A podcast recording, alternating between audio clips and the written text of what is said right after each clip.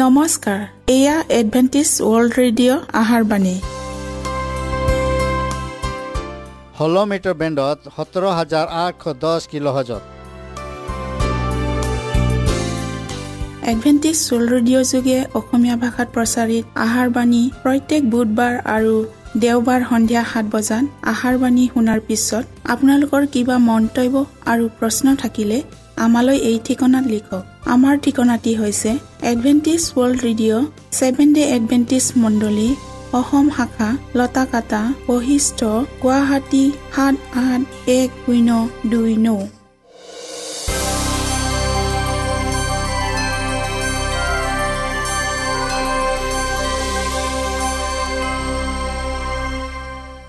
প্ৰিয় শ্ৰোতা বন্ধুসকল এতিয়া শুনো আহক এটি খ্ৰীষ্টীয় ধৰ্মীয় গীত।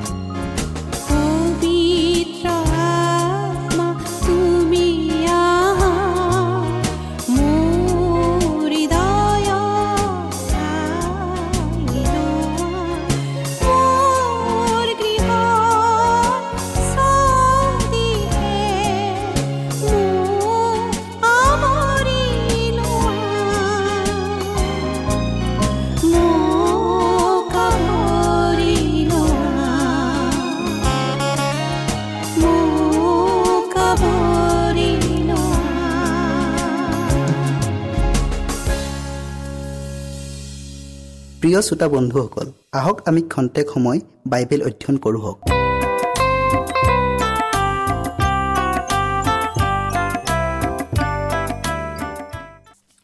প্ৰিয় শ্ৰোতাসকল নমস্কাৰ।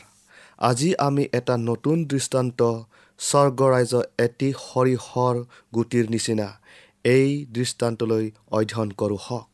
শাস্ত্ৰপাত আপোনালোকে পঢ়িব মাৰ্ক তেৰ অধ্যায়ৰ একত্ৰিছ আৰু বত্ৰিছ পদ। মাৰ্ক চাৰি অধ্যায়ৰ ত্ৰিছৰ পৰা বত্ৰিছ পদলৈ। লোক তেৰ অধ্যায়ৰ ওঠৰ আৰু ঊনৈছ পদ। ঈশ্বৰৰ বাক্য শুনাৰ আগতে আহক আমি প্ৰাৰ্থনা কৰোঁ হওক।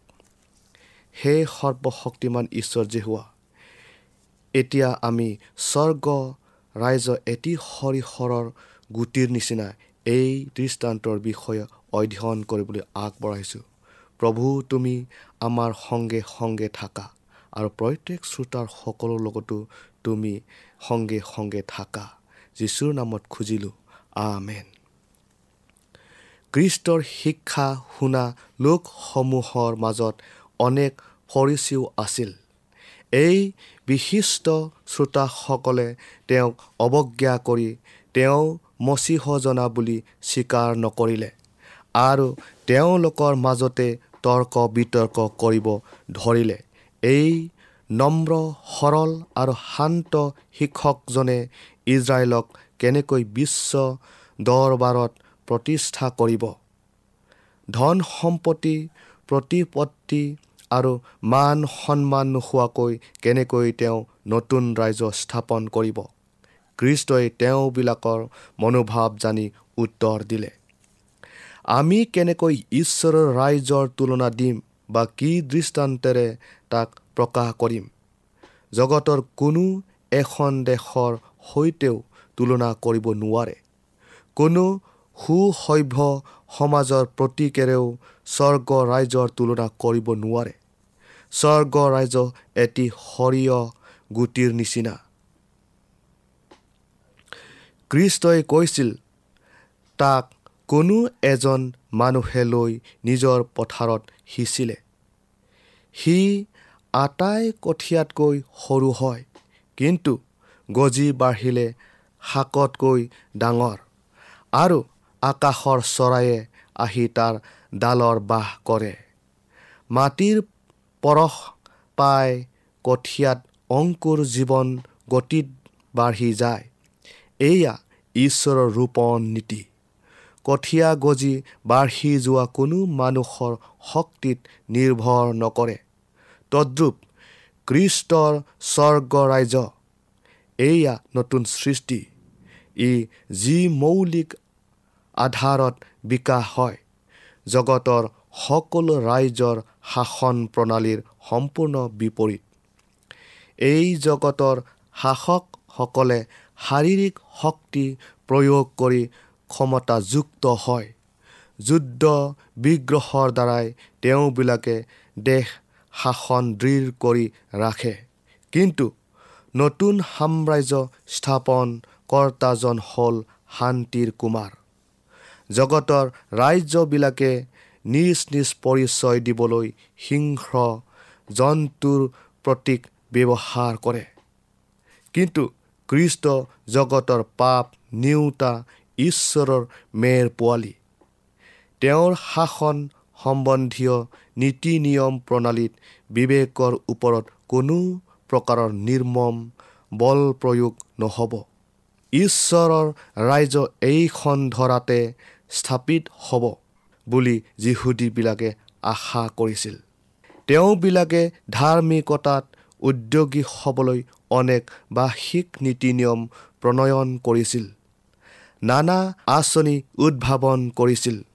কৃষ্টই সত্য আৰু ধাৰ্মিকতাৰ মৌলিক নীতি ৰোপণ কৰি তেওঁলোকৰ উদ্ভাৱন কৰা নীতি নিয়মবোৰক ভ্ৰান্তিকৰ আৰু পাপমূলক বুলি আৰোপ কৰিছিল। যীশুৱে এই দৃষ্টান্তৰে উপদেশ দি থকা সময়ত সৰিয়হ গছপুলিবোৰ ওখ হৈ ডাল পাতবোৰ মেলি ধৰাত বতাহত শালি জালি পৰিছিল আৰু দূৰৰ পৰাই দৃষ্টি আকৰ্ষণ কৰিছিল। চৰাইবোৰেও ডালে ডালে আৰু পাতত মাজে মাজে দেও দি নাচি ফুৰিছিল। এই গছজোপা সাধাৰণ গুটিৰ পৰা গজি বৃহৎ আকাৰ ধাৰণ কৰিলেও সকলো গুটিতকৈ অতি ক্ষুদ্ৰ আছিল। সৰিয়হ গুটিয়ে মাটিৰ পৰশত প্ৰথমতে কুঁহিপাত মেলে। তাৰ পাছত ডাল পাত মেলি পুৰত অৱস্থালৈ পৰিণত হয়। সেইদৰে কৃষ্টৰ ৰাজ্য আৰম্ভণিতে নিজ আৰু নগণ্য যেন দেখায়। ইয়াক জগতৰ ৰাজ্যৰ সৈতে তুলনা কৰিলে অতি ক্ষুদ্ৰ যেন বোধ হয়। ৰজা বুলি স্বত্বাধিকাৰ কৰা যীচুক জগতৰ শাসকসকলে উপহাস কৰে। তথাপিও ক্ষমতাযুক্ত সত্য তেওঁৰ অনুগামীসকলক সমৰ্পণ কৰা হ'ল য'ত তেওঁৰ সুবাৰ্তাৰ ৰাইজত ঈশ্বৰ প্ৰদত্ত জীৱন আছে। এতিয়া চাওক কিমান দ্ৰুত গতিৰে আৰু বিস্তৃতভাৱে প্ৰভাৱযুক্ত হৈ বৃদ্ধি পাইছে। কৃষ্টই দৃষ্টান্তৰে শিক্ষা দিয়া সময়ত এমুঠি মান গালিলিয়া। খেতিয়কেহে নতুন ৰাজ্যৰ বিষয়ে শুনিছিল। তেওঁলোকৰ দৰিদ্ৰ সৰল চিতীয়া মনৰ মাছমৰীয়া সংখ্যালঘু হৈও যীশুৰ অনুগামী হৈছিল। সমাজৰ নিম্ন স্তৰৰ লোক হোৱা বাবে আন কোনো মানুহে তেওঁবিলাকৰ সৈতে সম্বন্ধ নাৰাখিছিল। কিন্তু কৃষ্টই কোৱা কথা মনত ৰাখিব লাগে। সৰিয়হ গুটি গজি ডাল পাত মেলি সমগ্ৰ বিশ্বতে বিস্তাৰিত হ'ব লাগে। এতিয়া যি জগতৰ ৰাজ্যবিলাকে মানুহৰ অন্তৰৰ জয় কৰি ৰাজত্ব কৰি আছে সেয়া অতি সোনকালে পৰিসমাপ্তি ঘটিব। কিন্তু কৃষ্টৰ ৰাজ্য শক্তিশালী হৈ সুদূৰ প্ৰসাৰী হ'ব। সেয়ে আৰম্ভণিতে অন্তৰত অনুগ্ৰহৰ কাৰ্য ক্ষুদ্ৰতাৰে আৰম্ভ হ'ব। তেওঁৰ মুখৰ বাক্যৰ দ্বাৰাই অন্তৰত জ্যোতি প্ৰজ্বলিত হয় আৰু প্ৰভাৱৰ সঞ্চালনাত সঞ্চালনত সঞ্চালনত সঞ্চালনত কোনেও ইয়াৰ লেখ পৰিমাণ দিব নোৱাৰা নতুন জীৱন আৰম্ভ হয়। প্ৰিয় শ্ৰোতাসকল কেৱল খ্ৰীষ্টৰ ৰাজ্যৰ বিস্তাৰৰ বৃহৎ বিৱৰণ সৰিয়হ গুটিৰ দ্বাৰাই দিয়া হোৱা নাই। কিন্তু ই চৌদিশে সম্প্ৰসাৰণ হোৱাৰ ক্ৰিয়াসমূহ দৃষ্টান্তত পুনৰ পুনৰাবৃত্ত পুনৰাবৃত্ত কৰা হৈছে। ঈশ্বৰে তেওঁৰ নিজ মণ্ডলীৰ অৰ্থে পুৰুষানুক্ৰমে বিশেষ সত্য আৰু বিশেষ কাৰ্য সিদ্ধ কৰিবলৈ নিৰ্ধাৰিত কৰি ৰাখিছে। যি সত্য জগতৰ জ্ঞানী আৰু বুদ্ধিয়ক বিলাকৰ আগত প্ৰকাশ নকৰি শিশু সুলভ আৰু নম্ৰ চিতীয়া লোকৰ আগত প্ৰকাশ কৰিলে। এয়া আত্মবলিদান আহ্বান। আমি প্ৰাণপণে ছয়তানৰ বিৰুদ্ধে যুঁজি বিজয়ী হ'ব লাগিব।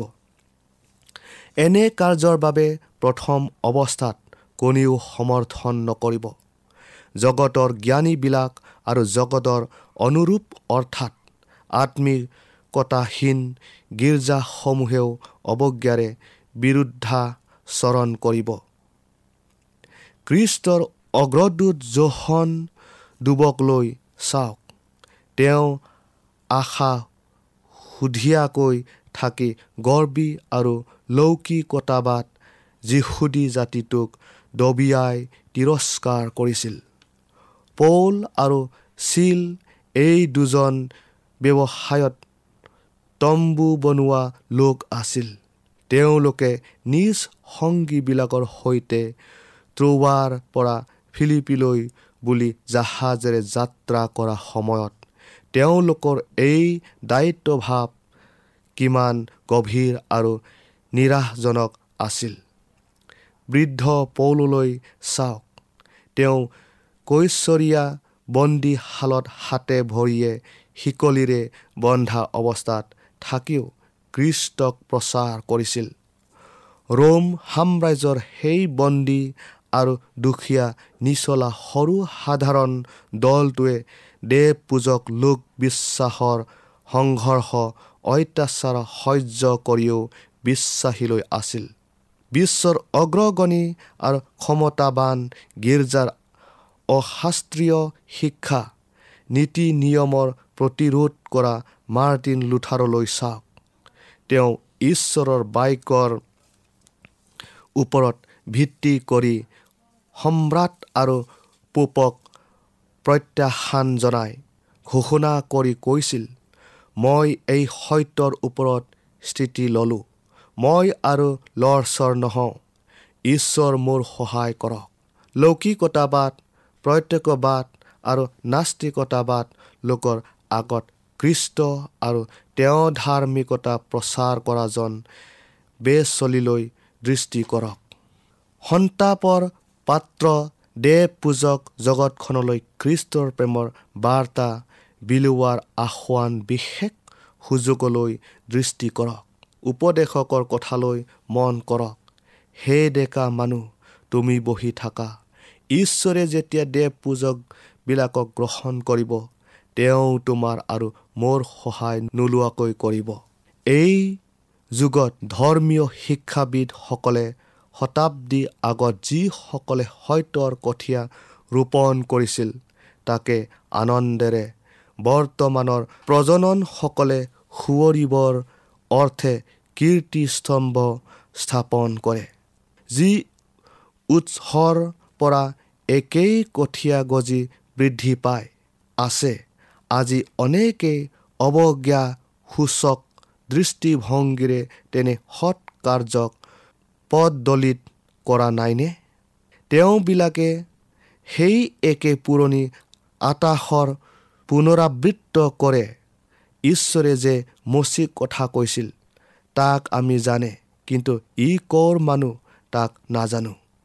জহন নৌ অধ্যায়ৰ ঊনত্ৰিছ পদত বৰ্তমান সময়ৰ বাবে যি নিগৃঢ় সত্য আগৰ কালত প্ৰকাশিত হ'ল এয়া আইন সংগত যাজকীয় কৰ্তৃপক্ষৰ দ্বাৰাই নহয় বৰং ঈশ্বৰৰ বাক্যৰ প্ৰতি বিশ্বাস ৰখা নিৰক্ষৰ। অশিক্ষিত পুৰুষ তিৰোতাৰ দ্বাৰাইহে হ'ল। প্ৰিয় শ্ৰোতাসকল কিয়নো সেই ভাইবিলাক তোমালোকে নিজৰ আমন্ত্ৰণলৈ মন কৰি চোৱা।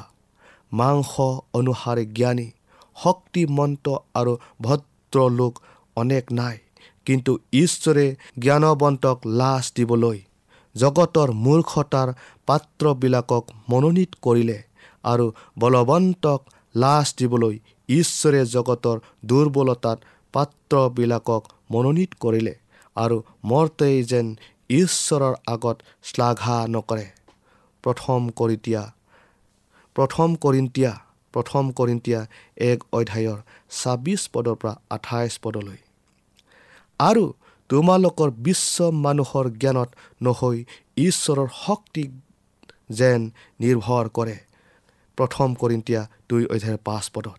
আৰু এই শেষৰ যুগত সৰিয়হ গুটিৰ দৃষ্টান্তই ইয়াৰ নিশ্চিত সিদ্ধান্তৰে জয় উল্লাসৰ সম্পূৰ্ণতা সাধনত উপনীত হ'ব লাগে। সুবাৰ্তাৰ সৰু কঠীয়া বৃহৎ আকাৰ ধাৰণ কৰিব লাগে। শেষ সতৰ্কবাণী আৰু দয়া সকলো জাতি পেইড ভাষা আৰু তেওঁলোকৰ আগত ঘোষণা কৰা হ'ব। প্ৰকাশিত বাক্য চৈধ্য অধ্যায়ৰ ছয় পদৰ পৰা ওঠৰ পদলৈ আপোনালোকে চাব পাৰিব। ঈশ্বৰে নিজ নামৰ নিমিত্তে পৰজাতি লোকৰ মাজৰ পৰা গ্ৰহণ কৰিলে। পাচনি কৰ্ম পোন্ধৰ অধ্যায়ৰ চৈধ্য পদ। আৰু তেতিয়া সমগ্ৰ জগতখনেই তেওঁৰ প্ৰতাপেৰে আলোকিত হ'ব। প্ৰিয় শ্ৰোতাসকল এই দৃষ্টান্তটো ইয়াতে আমি সামৰিলোঁ। আশা কৰোঁ আপোনালোকে সম্পূৰ্ণকৈ এই দৃষ্টান্ত বুজিবলৈ পাব বুলি। ঈশ্বৰে আপোনালোকক আশীৰ্বাদ কৰক।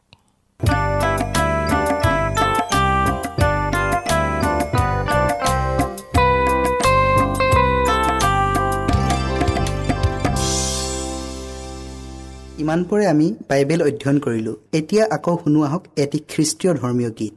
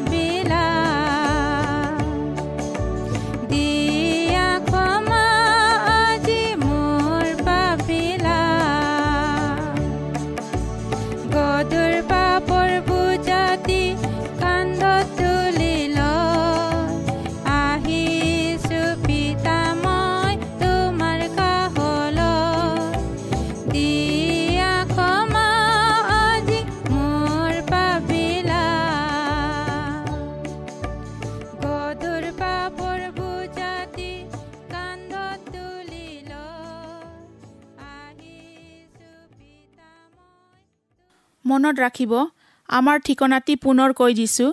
Adventist world radio' Assam region of seven day Adventist voice of hope Latakata Basistha Guwahati seven eight one zero' two nine প্ৰিয় শ্ৰোতা বন্ধুসকল এডভেণ্টিজ ৱৰ্ল্ড ৰেডিঅ' যোগে আহাৰবাণী প্ৰচাৰত আপোনালোকক পুনৰ লগ পোৱাৰ আহাৰে আজিলৈ সামৰিলোঁ। ধন্যবাদ।